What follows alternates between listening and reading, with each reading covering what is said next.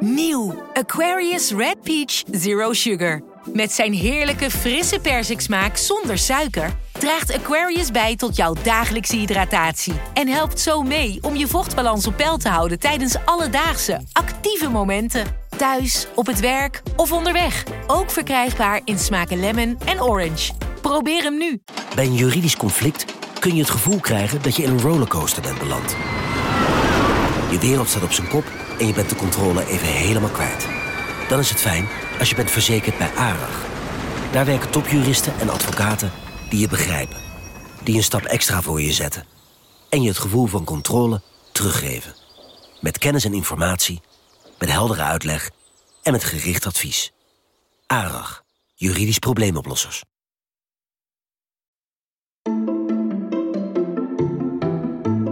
Welkom. Wij zijn Onbehaarde Apen. Dit is een podcast van NRC over wetenschap.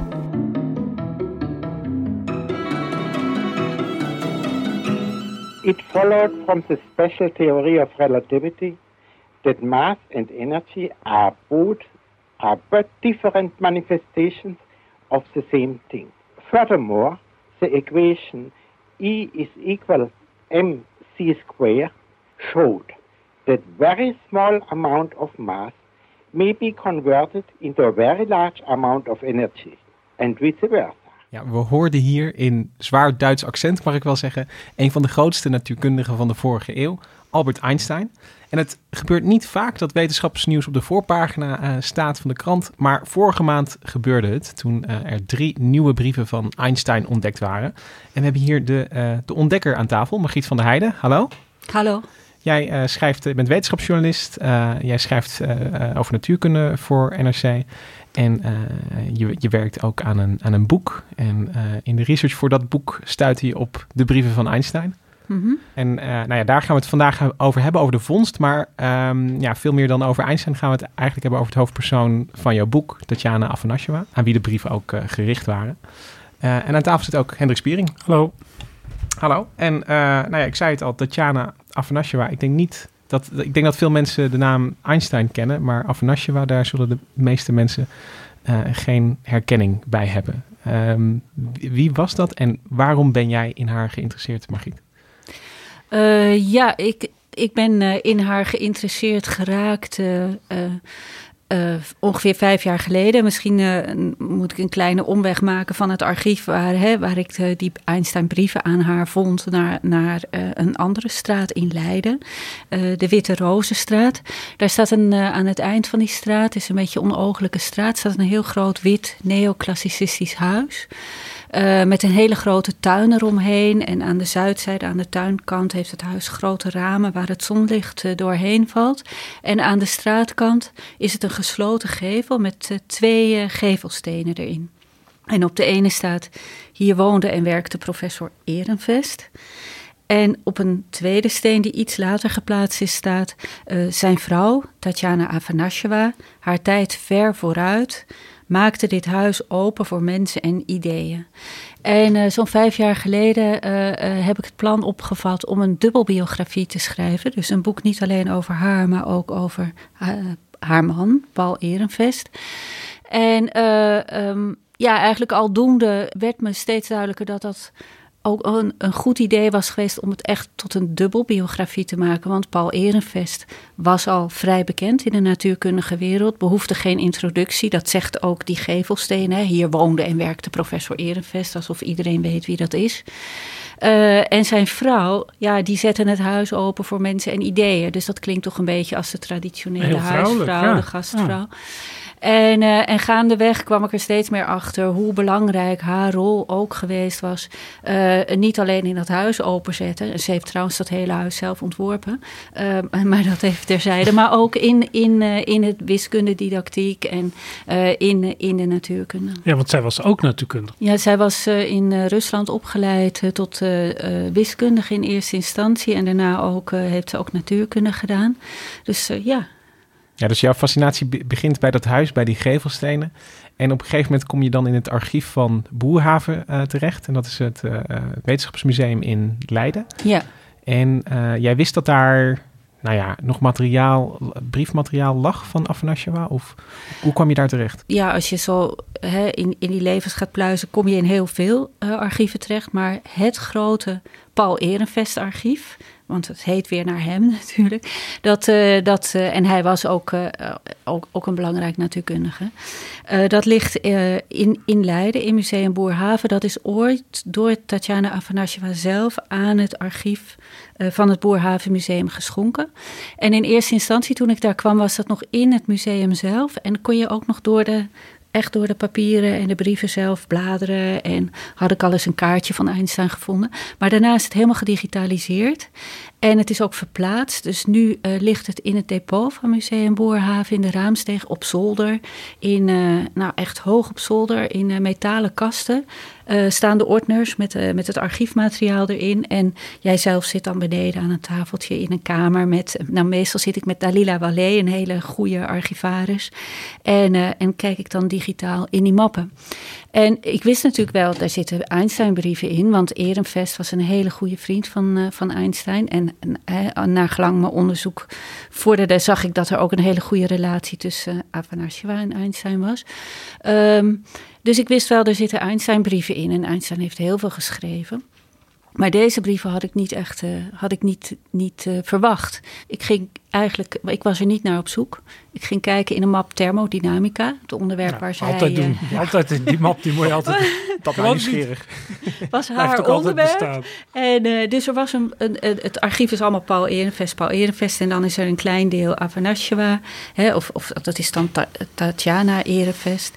En uh, daar was dan een map thermodynamica over haar werk. En toen zag ik eerst al een, uh, een correspondentie met uh, Constantin Karateodori, ook een bekende geleerde destijds. En toen met een brief met wisseling met Erwin Schrödinger van de kwantummechanica. Maar dan kom je allemaal niet mee op de voorpagina natuurlijk. En toen die Einstein-brieven. En zelfs toen dacht ik niet, nou, ik sprong niet een gat in de lucht. Want ik dacht, ja, die zullen wel bekend zijn. Die zullen ook wel digitaal al naar het grote ja. archief in Pasadena gestuurd zijn, waar, waar heel digitaal zijn nalatenschap bewaard wordt.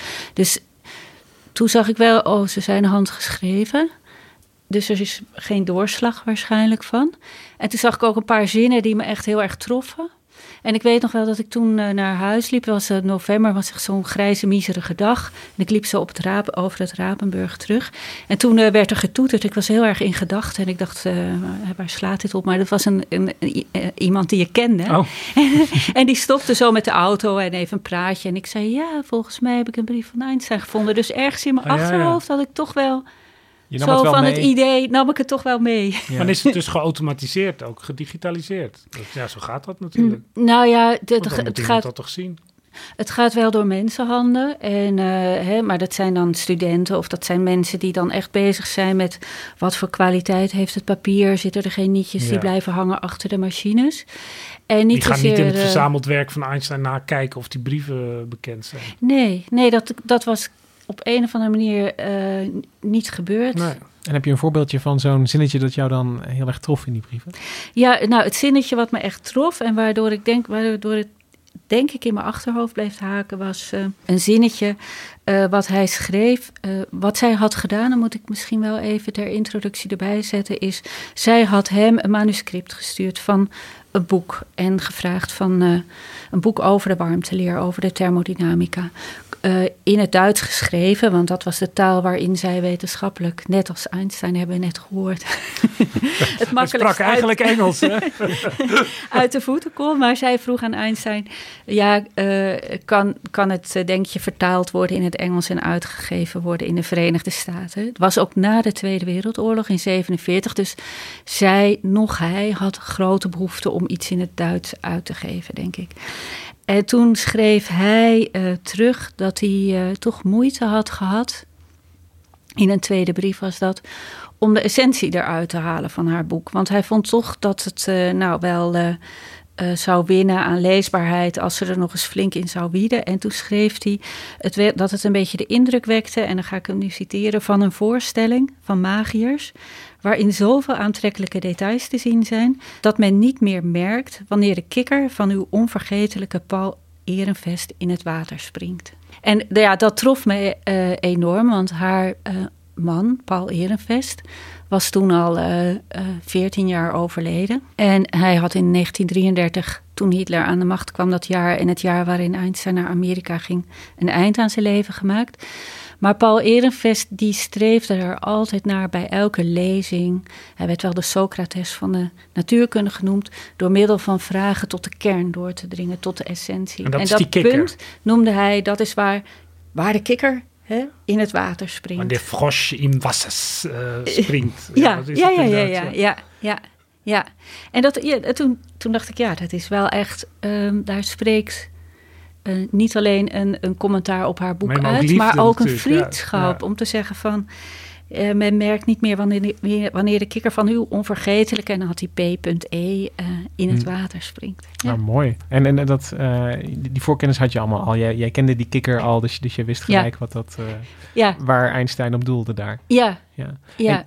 En, en je, je noemt het al, een, uh, je beschrijft het al een beetje, maar ik denk dat het goed is om er, om wat langer bij, bij stil te staan bij in, in wat voor tijd uh, en, en plek deze mensen leefden. Want dit gebeurde allemaal in Leiden. En uh, ik, ik, denk niet dat veel mensen weten dat Leiden zo'n belangrijke plek was voor de natuurkunde in nou ja, het begin 20e eeuw. Hoe, hoe kwam dat? Hoe zat dat? Uh, ja, er waren een aantal redenen voor. In Nederland had je sowieso rond 1900 een soort gouden eeuw, tweede gouden eeuw. En dan in de, in de natuurwetenschappen. Uh, dat wordt wel geweten aan de invoering van de HBS. Dus je had een heel aantal Nobelprijswinnaars. Uh, van der Waals, Van het Hof, die zat in Berlijn. Van der Waals zat in Amsterdam. Maar je had ook Kamerling Onnes. En die daar zijn prachtige koude lab had ingericht. Je had Lorenz. En dat was een toonaangevende figuur. Uh, je had een aantal hele toonaangevende uh, astronomen, zoals de Sitter. Uh, dus er was al een heel clubje belangrijke wetenschappers ja, in Leiden. Niet de eerste, de beste. Want ik heb wel eens over Lorentz gelezen, maar je verbetert me natuurlijk onmiddellijk. Dat als Einstein niet die relativiteitstheorie had bedacht, uitgevonden, dat, dat Lorentz was daar ook bijna. Of is dat onzin? Nee, het was echt het begin van de 20e eeuw was de, uh, de tijd van twee grote revoluties in, in de natuurkunde. En echt de 19e eeuw was nog heel klassiek. Met uh, de wetten van Maxwell die elektriciteit en magnetisme beschreven. En de wetten van Newton. Ja, eigenlijk wat we op de middelbare school leren. In de, tot ja, groep ik denk vijf, dat, de vijfde ja. klas. En, uh, uh, maar er waren wel een aantal problemen met die theorie van Maxwell. En Lorentz had in feite al om die problemen op te lossen een paar vergelijkingen opgesteld. En wat Einstein in 1905 deed, was die herinterpreteren. Ah, ja. Dus op een hele andere manier ernaar kijken. En uh, op basis van hele andere aannames en zo kwam Einstein eigenlijk tot zijn zijn, zijn uh, speciale relativiteitstheorie. Eigenlijk als verbetering op Lorentz? Of als uh, het was een herinterpretatie van de vergelijkingen van Lorentz. dus in het begin werd het ook de Einstein-Lorentz-theorie hm. genoemd. Dus eigenlijk wat Lorentz zei, het lijkt alsof he, of er is een ether en die drukt materie in elkaar en daardoor kan het krimpen. En wat, wat Einstein zei, dat zijn schijnbare effecten. Hè, nou, het hele verhaal van klokken die langzamer kunnen gaan lopen of linealen die krimpen of rekken. Dat zette hij in een ander licht. Um, maar dat was in 1905. En uh, dat was een, een, de speciale relativiteitstheorie. En in 1915 kwam hij met zijn algemene relativiteitstheorie, waarin hij echt de ruimte en de tijd waren daar een één weefsel, dat als het ware kon krommen en welven onder invloed van grote uh, uh, hoeveelheden massa. Hè? Dus de zon die kon de ruimtetijd een beetje laten welven en een ster kon dat doen. En um, dat was de ene revolutie. En de andere revolutie was die van de uh, kwantummechanica. en die werd in 1900 in gang gezet door Max Planck. Die uh, zei, misschien is energie, uh, dat was meer een wiskundig foefje van hem, is, dat, is het korrelig? Komt het in kleine pakketjes? Maar dat was een foefje. En weer was het Einstein, ook in 1905, die zei, nou misschien is, het, is de natuur wel echt korrelig. Is die energie wel echt gekwantiseerd? En daarmee kunnen we misschien verklaren dat sommige lichtstralen een elektron uit een materiaal kunnen schieten. Want die hebben dan precies dat goede energiepakketje. Dat wordt het foto-elektrisch effect genoemd. En dat was een onderwerp in 1911 van een grote Solvay-conferentie. Van hoe zit dat nou met die korrelige natuur? Dat was natuurlijk heel raar, stond heel haaks op, op de Op alles wat je beleeft ook. Want ja, bedoel, als je aan een touw trekt, dan is het niet zo, hè, qua energie, niet, nee. is niet dat dat in schokjes, dat, je, dat gaat in één vloeiende Als je harder trekt, gaat dat vloeiend harder. Ja. is misschien een Ja. verkeerde vergelijking. Maar... Nee, nee, want, want die, die, die, die korreligheid die speelt zich af op de allerkleinste Ja. schalen. En Lorenz was de voorzitter van die grote conferentie. Dus Lorenz was betrokken al, ook al bij, dat, bij die Bij korreligheid van de natuur. En bij die relativiteitstheorie. En voor, voor Paul Ehrenfest gold iets dergelijks. Hij eh, eh, kwam pas in 1912 naar Leiden, maar hij had kort daarvoor al een soort eerste vriendschap met Einstein gesloten. En hij had heel duidelijk in de gaten, die Einstein is met iets belangrijks bezig. En dat was ook een rust, toch? Erefest. Ehrenfest, Een eh, nee, een Oostenrijker. Hij was in, in Wenen geboren en opgeleid. En ehm, hij was ook een van de eerste die het belang zag van die kwantummechanica. Dus Lorenz en Ehrenfest waren in die zin een heel goed team. En Lorenz was de, de diplomaat, de, de, de beminnelijke, de gepolijste, de man die vloeiend eh, Frans, Duits, Engels en, en uiteraard Nederlands sprak. Eh, en, en die ook nog helemaal eh, een 19e eeuwse eh, eh, natuurkunde tot in de puntjes beheerste. En Ehrenfest zat al meer op dat scharnierpunt. En die was helemaal niet zo'n diplomaat en ook niet zo'n zo'n talenman, maar die was enorm extravert. En die haalde eh, allerlei mensen naar Leiden toe dankzij zijn extraverte en uitbundige Heeft, karakter. heeft Ehrenfest Einstein naar Leiden gehaald? Want die heeft er toch ook hoogleraar is die geweest, Einstein? Eh, dat heeft uiteindelijk Lorenz geregeld oké. met Vollenhoven. Dat was eh, eh, in 1919, 1920. Maar dat was wel geïnitieerd door Ehrenfest, die daar heel enthousiast over was. Dus dat is echt een eh, enorme nauwe club die met z'n allen de totale werkelijkheid op zijn kop Ja, zet. het, het, het was dus een, een, eigenlijk een best wilde tijd voor de natuurkunde. En dat komt dan in, in dan, ja, je hebt dan zo'n heel internationaal netwerk, zie ik dus voor me. Want, want we hebben het over Rusland, we hebben het Oostenrijk, Duitsland. In, in Scandinavië gebeurde er nog eh, eh, van alles. En, en, en Leiden was een van die knooppunten eigenlijk in dat netwerk. Ja, en een heel belangrijk knooppunt. En dan moet je ook bedenken dat het eh, de Eerste Wereldoorlog was. Dus de Fransen spraken niet met de Duitsers. de Britten spraken ook niet meer met de Duitsers. En Nederland was neutraal. Eh, dus Einstein, die heel graag eh, naar Leiden kwam en dan ook bij Ehrenfest en Afanasjewa logeerde bijvoorbeeld. En die heel veel schreef met Ehrenfest en met Lorenz over zijn relativiteitstheorie. Die kon verder niet zo heel veel communiceren met, met, met wetenschappers in andere landen. Nee, want hoewel en- een Zwitser gold hij als Duitser eigenlijk. Hij zat in Berlijn Ja. en, eh, en dan was het de sitter in Leiden die weer Einsteins werk in het Engels vertaalde en zo de Anglo-Saxische wereld liet kennismaken met de relativiteitstheorie. Dus de oorlog speelde daar ook eh, een grote eh, rol in, zeg maar. Dat, Nederland, Nederland als neutraal, land. En ne- in Nederland was er ook een behoefte, eh, zeker bij Lorenz. Dat was al duidelijk toen hij in zee ging met Solvay voor die Solvay-conferenties van wetenschap is grensoverstijgend. Ja. Wetenschap is internationaal. Wetenschap kan ook de vriendschapsbanden tussen landen bevorderen. En het moet ook internationaal blijven. En daar Zoals was hij Nederland al zichzelf door mee ziet. bezig. Ja, ja, zichzelf ja, graag. ja, de- maar hij zat helemaal in die hoek, eh, inderdaad. Van, het, van het, eh, ne- de nieuwe rol van Nederland is eh, de, de be- internationale bemiddelaar. hè. Vredespaleis, of Ja. 1910 of zo. Ja. Maar maar het bleef niet eh, alleen bij dit soort eh, hoge woorden en idealen. Maar er, er groeide ook daadwerkelijk een, een vriendschap tussen, tussen deze, deze mensen. Tussen Einstein en Ehrenfest en Afanasjewa. Dat, dat, ehm, eh, als ik jou goed heb begrepen, werd Einstein een soort, soort familievriend bijna. Ja, ja, dus Ehrenfest had Einstein al een keer opgezocht in, in Praag. Ehrenfest zat toen in Petersburg bij zijn vrouw. eh, eh, eh, het, of de geboorte, of de, niet de geboortestad, maar de stad waar zij was opgevoed. En hij was op zoek eigenlijk naar een baan in, in Midden- of West-Europa. En toen had hij Einstein voor het eerst in Praag ontmoet. En daarna bleven ze elkaar zien. En in 1916 kwam, eh, kwam eh, Einstein weer naar, naar, Leiden. Mi- Midden in de oorlog was het hem toch gelukt om, om daar naartoe te komen. Hij was er één keer eerder geweest, kort voor de oorlog. En toen schreef hij eh, na afloop ook heel mooi over, eh, over dat bezoek. Hè, dan is hij daar eh, een tijdje geweest en dan hebben ze gewandeld en, en van alles eh, samen gedaan. Ze zijn naar Noordwijk geweest en eh. Leiden in geweest, ja, naar het strand geweest. En dan schrijft hij, als hij weer terug is, de herinneringen aan de dagen bij jullie zijn versmolten tot een prachtige droom. En uh, wat later, als hij in 1919 uh, dan na de oorlog weer komt, dan schrijft hij: Zo'n vrolijk gezinsleven heb ik nog in geen enkel huis meegemaakt. Het vloeit gelijkmatig voort uit twee onafhankelijke mensen die niet wegens compromissen bij elkaar zijn. Ja, het, spreekt natuurlijk over zijn eigen huwelijk, denk ik. Had ja. ook een moeilijk huwelijksleven, Einstein? Of toen al niet meer misschien? Uh, ik denk dat Einstein um, in Afanasjewa iets zag wat hij niet zag bij de andere vrouwen in zijn leven.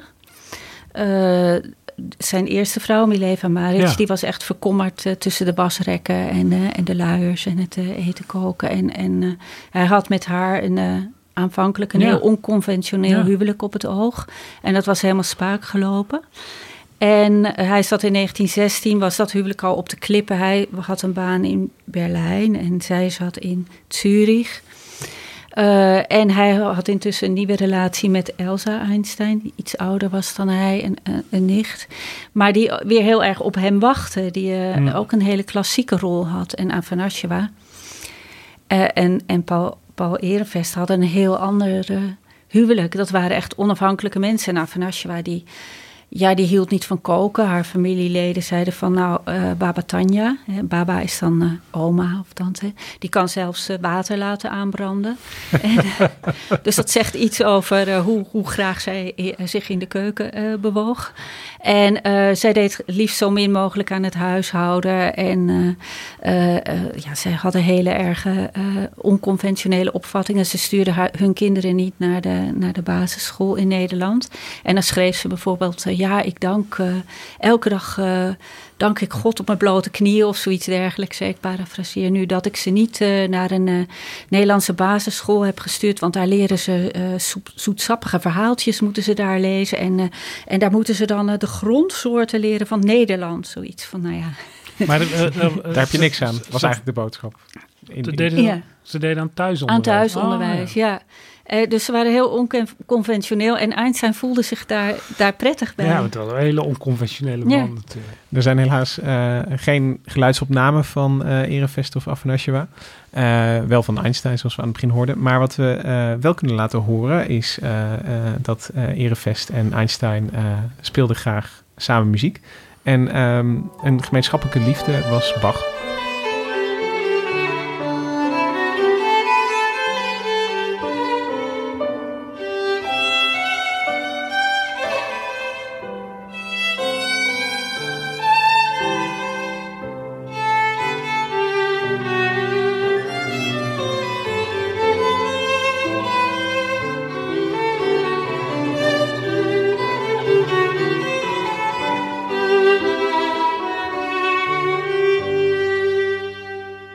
Waren dus niet Erevest en Einstein zelf die we hoorden, maar een uh, Amerikaanse muziekleraar, Mark ja, Hall.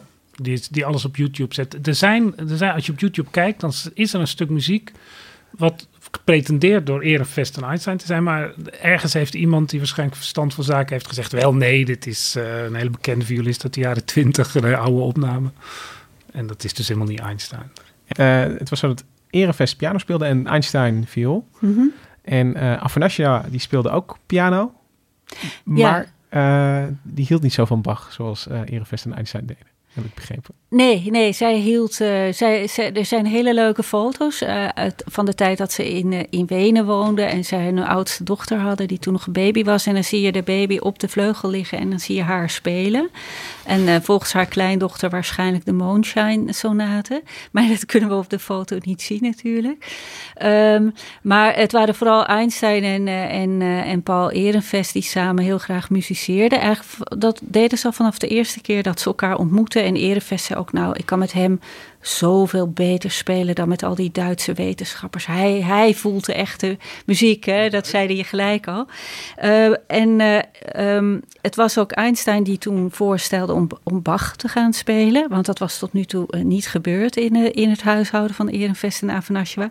En toen schreef hij bij terugkeer een, een beetje plagende zin in een van zijn brieven, Einstein. Paul Ehrenvest had hem geschreven dat hij sinds het vertrek van Einstein heel veel uh, Bach had gespeeld. En Einstein antwoordde: Ik merk dat je een van de bewonderaars van deze magnifieke stukken begint te worden. T, dat is uh, Tatjana Afanasjeva, zal ons wel bijvallen, ondanks de alarmerende rechtlijnigheid van haar wereldlijn. Een uitzondering op de bewegingswet. En, uh, dan moet ik misschien toelichten dat een wereldlijn in, in de relativiteitstheorie van Einstein is een wereldlijn het traject wat een deeltje door de ruimtetijd beschrijft. Uh, in dit geval gaat het dus niet om een deeltje, maar om Tatjana. En is haar wereldlijn dus volgens Einstein heel erg recht. Uh, waarmee hij haar ook wel leuk gekarakteriseerd heeft. Want in sommige opzichten was dat zo. Zij hield haar hele leven heel erg vast aan haar grote liefde voor moederland Rusland. Aan uh, haar liefde voor, voor het meetkundeonderwijs, aan haar uh, liefde voor de warmteleer, uh, aan haar liefde voor de natuurwetenschap. Dus ze had wel een aantal bakens in haar leven waar ze altijd op bleef koersen. En uh, dat huis werd dus een, een, uh, een, fijne plek voor Einstein om, om te vertoeven. Het was dus een, een, een bijzonder uh, gezin. Ja, maar het, is dus, het heeft ze dus zelf ontworpen. Het is dus een vrouw die, dus, die, die, die, die fanatiek dat doet, maar dan en passant even een huis ontwerpt.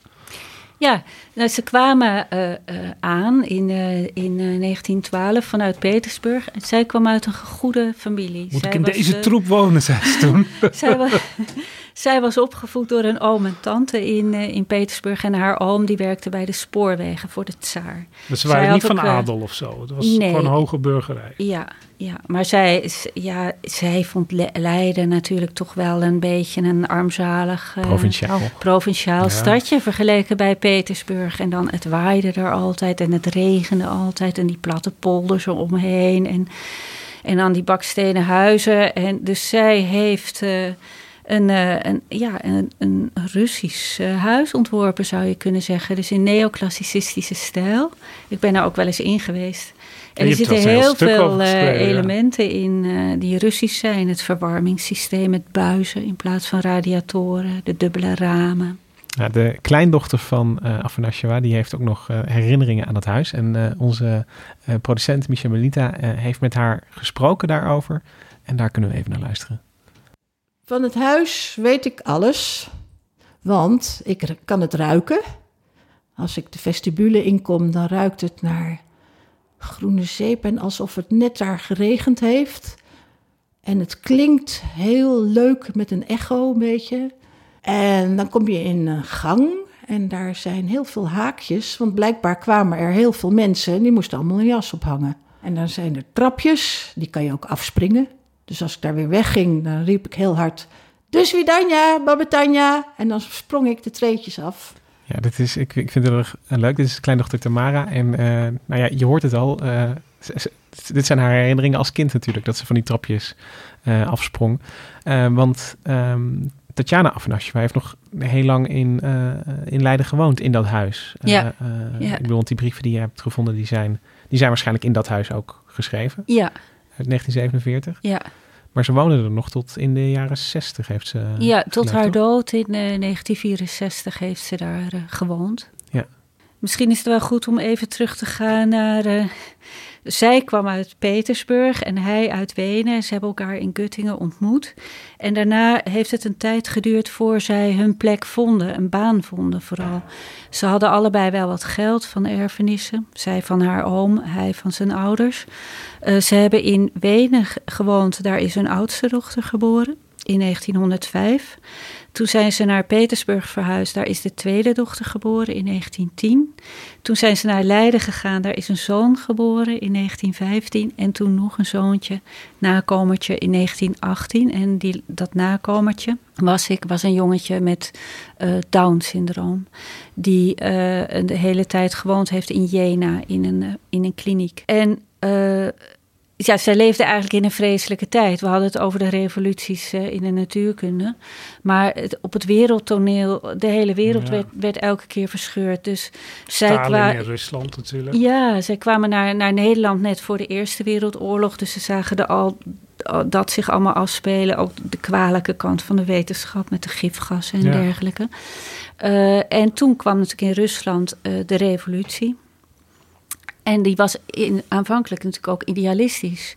En zeker voor uh, had hij ook, uh, die had ook, uh, zag daar ook de goede kanten van in. Bijvoorbeeld dat er gelijke rechten tussen mannen en ja. vrouwen zouden ja. zijn. Dus zij is tussen 1926 en, en begin jaren 30 ook heel vaak naar Rusland geweest. Want zij kon in Nederland geen baan krijgen, maar daar was haar expertise gewenst en haar inbreng gewenst. En werd er gevraagd: wil je meedenken? En hoe kunnen we het onderwijs gaan inrichten in het nieuwe land? En dan was ze soms maanden weg natuurlijk. Ja, ja, dan was ze misschien maar twee of drie maanden per jaar in, in uh, Nederland, zelfs op het laatst. Um, en toen tegelijkertijd kwam natuurlijk uh, het nazisme op. Het was echt uh, eigenlijk, als je ja. erover nadenkt, ja. zo'n afschuwelijke tijd. Want de revolutie in Rusland ontaarde. En zij heeft op een gegeven moment ook gezegd van ja, dit gaat niet goed. Ik wil hier niet meer, uh, hè, ik voel me hier niet, niet meer goed bij. Dat was ook zo rond uh, 1933. En Hitler kwam uh, aan de macht. Ja, want er wordt nu wel eens somber gedaan. Oh, we moeten het heel moeilijk, internationale toestanden. Maar als je dan kijkt wat er zich ja. dan allemaal afspeelt, dan uh, ja. kunnen we nog een hoop uh, stouwen. Nou, zeker ja. voor zo'n gezin dat, dat wortels heeft in... in al die landen, ja. En de, de vraag is dan heel erg, uh, hoe verhoud je je tot de tijd uh, waarin je leeft? Als je kijkt naar Einstein, die trok zich heel erg terug. Hè? Die heeft ook wel eens gezegd, het ideale beroep voor een fysicus zou vuurtorenwachter zijn. Hmm. In de Eerste Wereldoorlog ging hij echt werken aan zijn theorie. Paul Ehrenvest was een heel sensitief iemand. Die kon dat helemaal niet. Die, die was altijd heen en weer en, en hij had al zijn voelsprieten. Dit is ook een hoofdonderwerp van je boek, denk ik hoe ze ja, zich verhouden tot, uh, tot, die, de tot, de, tot de wereld waarin ze leven. En zij, nou ja, hij is er aan ten onder gegaan, zou je kunnen zeggen. Aan, hè, dat heeft ook te maken met zijn manisch-depressieve aard, maar ook zeker met die relatie die je ja. hebt tot, tot, tot de tijd waarin je leeft. In 1933. En hij heeft ook het jongetje met Down-syndroom uh, toen uh, omgebracht. Um, en zij moest, zij moest inderdaad verder. Uh, en zij deed dat op een manier, denk ik, die doet denken aan wat Einstein ook deed in de Eerste Wereldoorlog en ook later toen zijn vrouw ernstig ziek werd. Namelijk door je te richten toch op, op, op je werk, op, op de dingen buiten jezelf en in haar geval ook op de kinderen. En je zei van, nou ja, tot de jaren dertig ging ze nog vaak naar Rusland. Is mm -hmm. er um, op een gegeven moment in, in Nederland ook waardering gekomen voor haar werk en expertise? Uh, ja, nou, um, wat, wat je eigenlijk ziet is, kijk, Nederland was uh, toch heel conservatief. Hè? We, de, en, de, en dat in zekere zin zijn we dat misschien nu Zeker nog. man-vrouw dat je, ja. ja. dat we denken we zijn een heel vooruitstrevend geëmancipeerd land, maar dat waren we helemaal niet. Als je keek inderdaad naar die Russische revolutie ja, en de rechten te, die vrouwen kregen. Dan... Hoeveel, hoeveel vrouwen werden er in 1900 opgeleid tot natuurkundigen, zoals die Afanasjewa in uh, Petersburg? Dat zal ook niet zwart hebben gezien van de vrouwen bij de natuurkunde opleiding, maar we hebben, er kennen er in ieder geval één. En in Nederland heel weinig. Nou, er was een groot verschil. In, in, in Rusland had je de, de hogere uh, cursus, uh, de hogere leergangen voor vrouwen, waar je vrouwen konden studeren. Maar er is traditioneel altijd een verschil geweest. Dus de, de Russinnen, zo gauw de, de universiteiten in het Westen hun deuren openstelden voor vrouwen, zoals in Zurich en Genève, zag je gek genoeg haast geen Zwitserse vrouwen naar die universiteiten gaan. Want die ging, er waren geen middelbare scholen voor meisjes. Maar de Russinnen, die, die, in Rusland had je voor in goede kringen wel gymnasia. Maar daar mochten ze van de tsaar niet naar de universiteit. Dus die kwamen allemaal naar, naar, naar Zurich, Genève, Parijs. En dat zijn hele interessante getallen. Dus in, uh, in Genève zijn dan tussen, uh, nou ja, 18... 1883 en, en ongeveer 1900 uh, uh, bijvoorbeeld iets van 60 diploma's aan Russinnen gegeven. En daarvan maar één in de geesteswetenschappen, alle andere in de natuurwetenschappen en de medicijnen. En zo rond uh, 1870 had je in Zurich ongeveer 200 vrouwelijke studenten, waarvan 150 Russinnen. Drie kwart. Dus in die zin hebben de Russische vrouwen wel iets vrijgemaakt, ook voor westerse vrouwen. Dat is een soort vergeten ja. kant van. Maar goed, dan zit die, die, die vrijgemaakte, vrijmoedige Russische vrouw in Leiden. Ja. En ja, het, eh, Ja. net een drama achter de rug. Eh, ja, maar er is één man die wel een beetje geëmancipeerd was. En dat is die grote Lorenz. Zijn dochter die is gepromoveerd in de natuurkunde. En nog drie andere vrouwen zijn bij hem gepromoveerd. Hij ging ook met zijn vrouw mee naar feministische bijeenkomsten. Hij was voor het vrouwenkiesrecht. En het was ook Lorenz die tegen Afanasjewa al zei... toen ze al in, in, eh, in eh, 1912 aankwam van... eh, komt u ook naar onze colloquia. Ah, ja. Dat vind ik fijn als u erbij bent. En die ook zei, u moet kennis maken met, eh, met Robert Casimir, een, een, een directeur van een lyceum in Den Haag met vooruitstrevende onderwijsideeën. En dan kan hij misschien, dan kunt u wat van uw essays vertalen en dan kunnen uw ideeën over het meetkundeonderwijs, die zij in Rusland had ontwikkeld, kunt u in Nederland verspreiden. Dus via Lorenz had ze toch een, een, eh, een, eh, een klein beetje al een, een ingang. Zo goed en zo kwaad als dat ging in het conservatieve Nederland. Ja, want ze kon niet een baan krijgen. Het was nat dan als getrouwde vrouw om te werken. En later ook bij wet eh, kon je niet in overheidsdienst, dus niet aan een universiteit werken. Maar ze had wel aan huis, hadden ze, dat hadden ze in Rusland al, dat noemden ze daar de kruzhok. En kruzhok is kringetje. Dus dan nodig je mensen thuis uit. En in dat huis wat Tamara beschreef, als je dan dat trapje opgaat en de gang in gaat en je loopt voorbij al die haakjes en je loopt door tot aan het eind van de Moet gang. misschien even vertellen dat eh Margriet nu het huis precies met haar handen helemaal uitbeeldt. Het trapje wordt helemaal opgelopen door haar handen. Ja, dan kom je aan het eind van de gang bij een studeerkamer, die ik nu ook, ja, ik praat altijd met mijn handen, maar. eh, en dan heb je een blinde muur drie links meter breed. Met een enorm schoolbord. En dat hadden ze in Rusland ook al, een salon met een schoolbord. En dan kon je je collega's uitnodigen en discussiëren. Dus dat was En- niet voor kinderen, maar voor, voor natuurkundigen onderling eh, gingen Ja. ze in dat kringetje zitten. Ja, en dat deed Ehrenfest. Er zijn eh colloquia Ehrenfest, die bestaan nog altijd, zijn heel beroemd. Hè. Die nodigden dan mensen uit en dan gingen ze de hele avond discussiëren. Eh, Zij deed dat ook over het wiskundeonderwijs. Dan nodigden ze Nederlandse wiskundedocenten uit. En die dan enorm zaten te kibbelen of ze het wel of niet eens waren met haar Ja, vooruitstrevende wat, wat, wat was dat? Wat was het punt wat zij inbracht in Nederland? Wat ze, zij in de eh meetkundeonderwijs richtte zij zich vooral op. Heeft ze hele leuke essays over geschreven, hele frisse toon.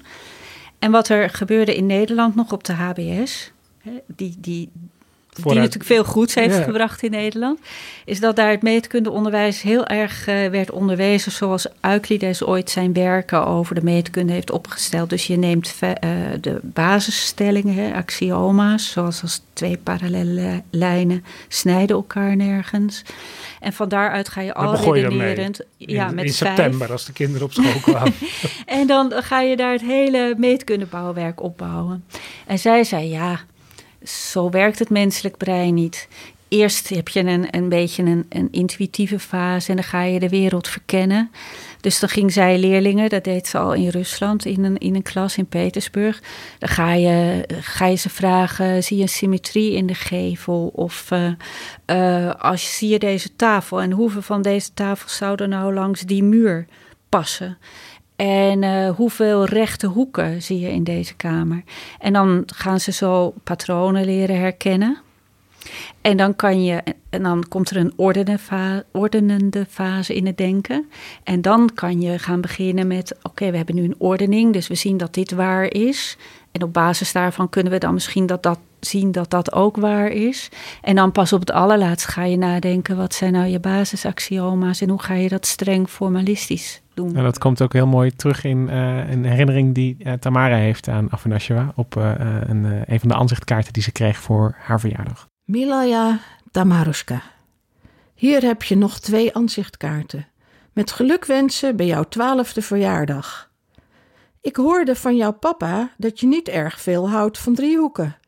Maar je kunt immers de dingen zo goed tekenen en zich voorstellen, en daarin kun je altijd lijnen, hoeken, driehoeken en zelfs wat meer ontdekken. Kun je door het vouwen van een mooi glad stuk papier de volgende figuren produceren? Punt 1. Een rechte lijn. Punt 2. Een rechte hoek. Punt 3. Een driehoek, onverschillig welke soort hoeken die heeft. Vind je mijn opgave vervelend? Te eenvoudig? Te moeilijk?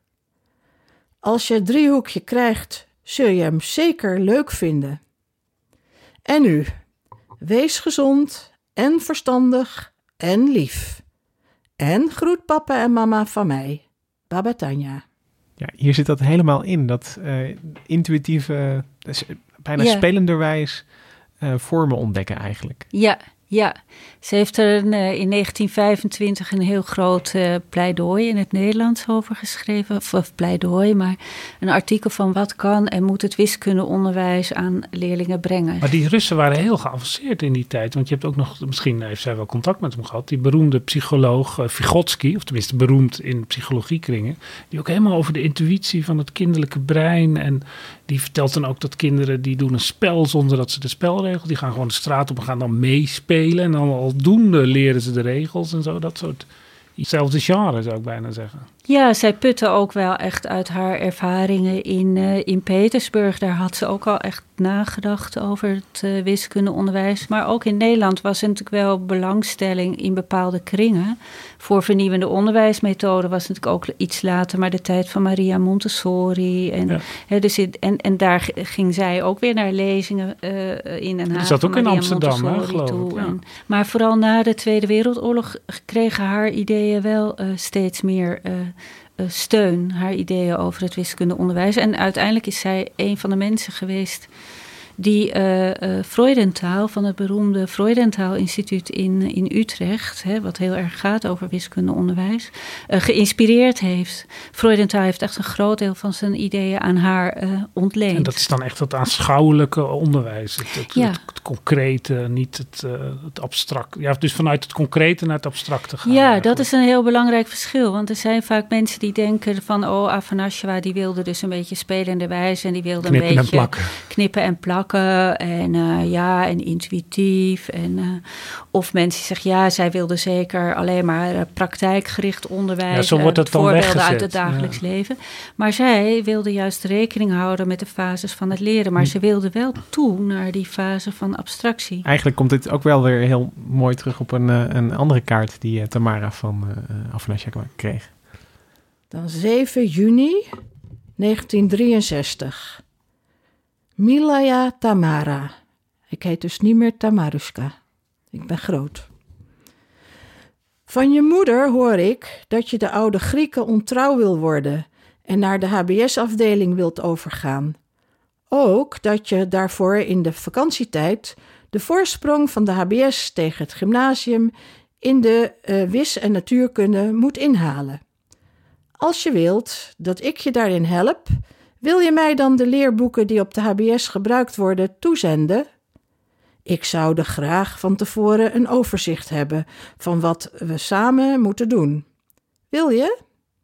Ik heb altijd jammer gevonden dat op de Russische meisjesscholen geen oude talen onderricht werden. Later heb ik zelfstandig de Latijnse grammatica geleerd, maar voor het Grieks had ik nooit tijd.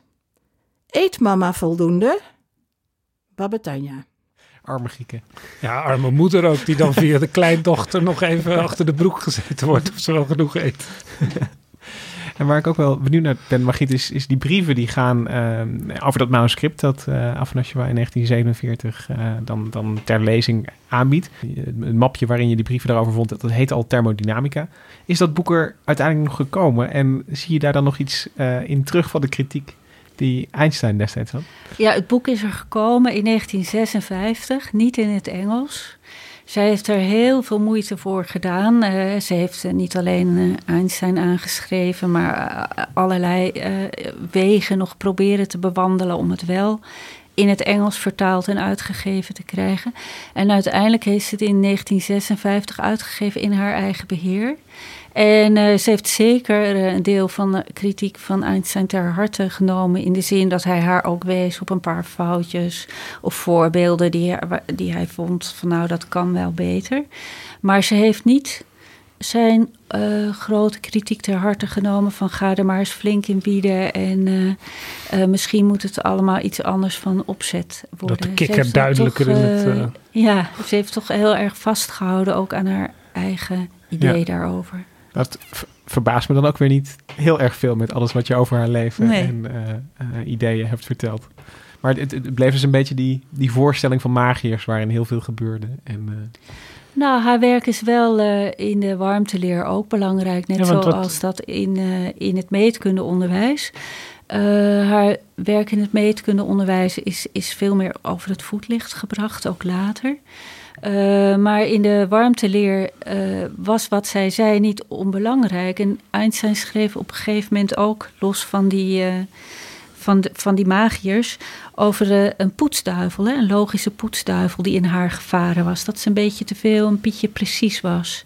En dan zei hij er wel bij, ja, Misschien heb ik niet het gezag om dat te zeggen, omdat ik zelf uh, nogal drekkig, dus een beetje viezig ben hè, en spaarzaam met de reinlichkeit. Dus hij was spaarzaam met de netheid als hij werkte. Hij werkte heel erg intuïtief ook ja. en van in de grote lijn. En toen schreef zij ook een beetje pinnig, zou je kunnen zeggen. Terug van uh, ja, maar uh, u zegt toch wel dat u er iets uit geleerd heeft. En uh, dat is dan toch wel te danken aan die logische poetsduivel. Ja, ja zo slaan ze elkaar met de kikkers en de poetsduivels om de oren. Maar wat zij deed, is de warmteleer is heel erg een 19e eeuwse hoek van de natuurkunde. Hè? Dus in het geweld van die revoluties van de relativiteitstheorie en de kwantummechanica was dat naar een beetje een hoekje gedrongen. Ja, dat is ook zo natuurlijk. En het was ook een vak wat eigenlijk half een ingenieursvak is. Wat heel erg te maken heeft met de stoommachine. Hè. Je maakt een gas heet en dan zet het uit... en dan drijft het uh, een of andere ja, stang aan. van behoud van energie. En dan koelt het weer af. Ja, en toen is het uh, later wel door mensen als uh, Gibbs of Planck... een beetje geformaliseerd en meer echt een natuurkundevak geworden... Maar uh, zij vond toch dat het uh, niet echt een goede uh, wiskundige en axiomatische basis had. Ja, dat is de poetsduivel weer. Dus terug, ja, of terug naar die meetkunde. Dus je gaat eerst wel intuïtief kijken wat gebeurt er en dan ga je ordenen. Maar nu was het tijd om netjes... Oh, ja. Voor die tweede fase eigenlijk. Ja. Hoe uitte zich dat, dat, dat, dat reinlige karakter? Waar, waar, ging ze in poetsen? Wat, wat trok ze strakker dat nog een, een, een beetje krom zat? Ja, ze gingen een aantal definities onder de loep nemen. En uh, je hebt uh, in de thermodynamica een paar hoofdwetten. Dus de eerste hoofdwet die eigenlijk zegt dat er energiebehoud is, zou je kunnen samenvatten. En de tweede hoofdwet die op verschillende manieren geformuleerd kan worden. Bijvoorbeeld uh, die, die je kan formuleren dat je geen bepaald type perpetuum mobile kan maken. Of dat je nooit zomaar energie kan onttrekken aan een warmtereservoir alleen maar aan warmte die van iets warmers naar iets kouder stroomt en dan nog maar ten dele. Dus je kan daar op verschillende manieren naar kijken. En vaak werden die definities als equivalent gezien. En zij liet zien, nee, dat zijn ze niet. dus dat is echt wel precisiewerk. Uh, want als je het op de ene manier definieert, dan kan je, moet je iets extra's toevoegen. Dan moet je zeggen dat de temperatuur altijd positief moet zijn. Dus je hebt, wij denken vaak in Celsius, maar natuurkundigen werken met Kelvin en het begint bij nul. Hè, en dan onze 0 graden is daar uh, 273 graden. Ze zijn maar, als je die ene definitie neemt, dan moet je specificeren. Uh, dat je dus alleen met positieve temperaturen wil werken. Want eigenlijk kan je net goed negatieve temperatuur hebben. Nou, in die tijd klonk dat heel gek. Maar in, in de jaren uh, uh, 50, meen ik, of nee, ik denk misschien was het iets later, begin jaren 70, is er een fysicus geweest, Ramsey, die een systeem heeft ontworpen wat inderdaad uh, een negatief correspondeert met een negatieve temperatuur. Dus je kan zeggen dat is toch, ja, er zit bijna een halve eeuw tussen.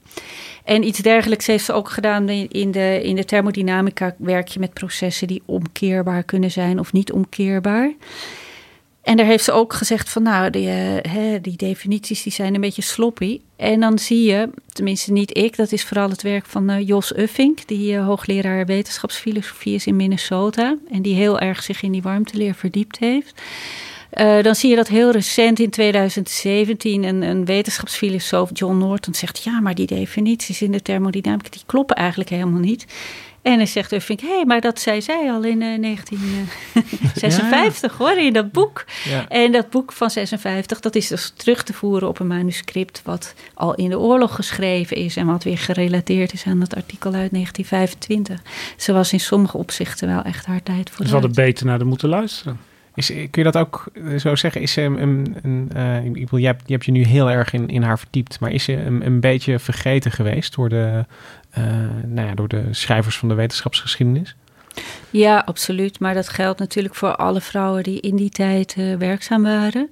Als je haar vergelijkt met Emmy Neuter, in, in, die tegelijk in Göttingen wiskundige was. Of een Lisa Meitner, die tegelijk uh, ook met haar uh, in Wenen zat en later in Berlijn heel lang heeft gewerkt. Dan zie je dat de, die twee vrouwen, Neuter en Meitner, die zijn ongetrouwd gebleven. Die kregen toelage van hun vader, want een salaris kregen ze niet. Daardoor konden ze carrière maken. Dus ze werkte aan de universiteit, maar salaris kregen ze niet? Nee, en Neuter heeft generaties uh, wiskundigen en natuurkundigen opgeleid. En uh, nou ja, haar werk, daar gaat de hele deeltjesfysica, die, die, die, die dat, uh, alle theorieën daarachter werken met de centrale stelling die zij ooit heeft ontwikkeld, om maar iets te noemen. En Lise Meitner had een Nobelprijs moeten krijgen. Zij konden blijven werken omdat hun familie een toelage gaf. Afanasjewa was een getrouwde vrouw met kinderen. Die had helemaal geen schijn van kans los van de vraag of ze even goed was als die andere vrouwen. Dus al in, hun, in de tijd waarin zij zaten, hadden ze te kampen met allerlei. Uh, ja, bewuste tegenwerking was het niet, maar maatschappelijke structuren die verhinderden dat zij zich konden ontplooien. Het was vanzelfsprekend dat ze zich niet konden ontplooien. Dat konden eigenlijk. Ja. Wat een, een ontzettende, ik bedoel gewoon ontzettende verspilling. Ik bedoel, los van, de, van het, het, uh, het persoonlijke uh, drama dat, dat die vrouwen niet konden wat ze zo duidelijk wel konden of beheersten. Ja, en wat ze ook graag wilden doen. Ja. Nou, en, en het tweede is natuurlijk dat er in de geschiedschrijving zich dat proces zich herhaalt. Mensen kijken natuurlijk naar hun tijdgenoten, maar ook naar de geschiedenis met, door een bril die geslepen wordt door de tijd waarin ja. zij zelf Nou, dat is heel leven. duidelijk, ja. En zo is er natuurlijk ook naar, naar haar gekeken. Dus zij heeft samen met uh, uh, Paul Ehrenvest een, een heel beroemd artikel geschreven in 1911. P en T Ehrenvest. Het is in 1959 in het uh, Engels vertaald in Amerika verschenen. Geldt echt als een standaardartikel over statistische mechanica. Het is heel erg gerelateerd aan die warmteleer. En dan zie je in de biografie die over Paul Ehrenvest is uh, verschenen van uh, de Ehrenvest schreven. Dat is dan de eerste zin. En daarna is het Ehrenvest zei dit, Ehrenvest zei dat. En dat Ja, ze valt gewoon uit het verhaal. ja. En dat is denk ik wat heel veel vrouwen uit die tijd is overkomen. Het is overigens verder wel een goede biografie. Uh, maar um, je valt uit de tijd. Ja, het is, zeg het is maar. wel heel treffend, omdat er wel wordt geconstateerd dat ze het met z'n tweeën hebben gedaan, maar vervolgens wordt Tatjana volkomen genegeerd. Ja, dan staat echt een. En toen liet Paul Ehrenvest zien. En toen haalde hij de paradox naar voren. Ja, Nou ja, als het eh, goed is, kunnen eh, luisteraars die hier geïnteresseerd in zijn, straks meer lezen over Afanasjewa. Want jij bent bezig met het boek. Wanneer, dat is altijd gevaarlijk natuurlijk Ja. om te zeggen, maar eh, ongeveer in, in begin 2020. ja dat is nu Kunnen- mijn streven. Het is heel gevaarlijk, want het is een beetje een veelomvattend project. Maar het moet ook een keer af, Ja. natuurlijk. Ja, zeker. En dan, eh, dan We Nee. kijken er wel naar uit. eh, zeker. En dan, doet de dan, en dan eh, wordt Afanasjewa in ieder geval iets, iets meer in eer hersteld in de geschiedenis. En eh, nou ja, ik denk dat we daarmee tot het einde zijn gekomen van deze aflevering. Margriet van Heijden, heel erg bedankt dat je hier wilde komen vertellen over eh, de brieven die je hebt gevonden en over het bijzondere leven van Afanasjewa.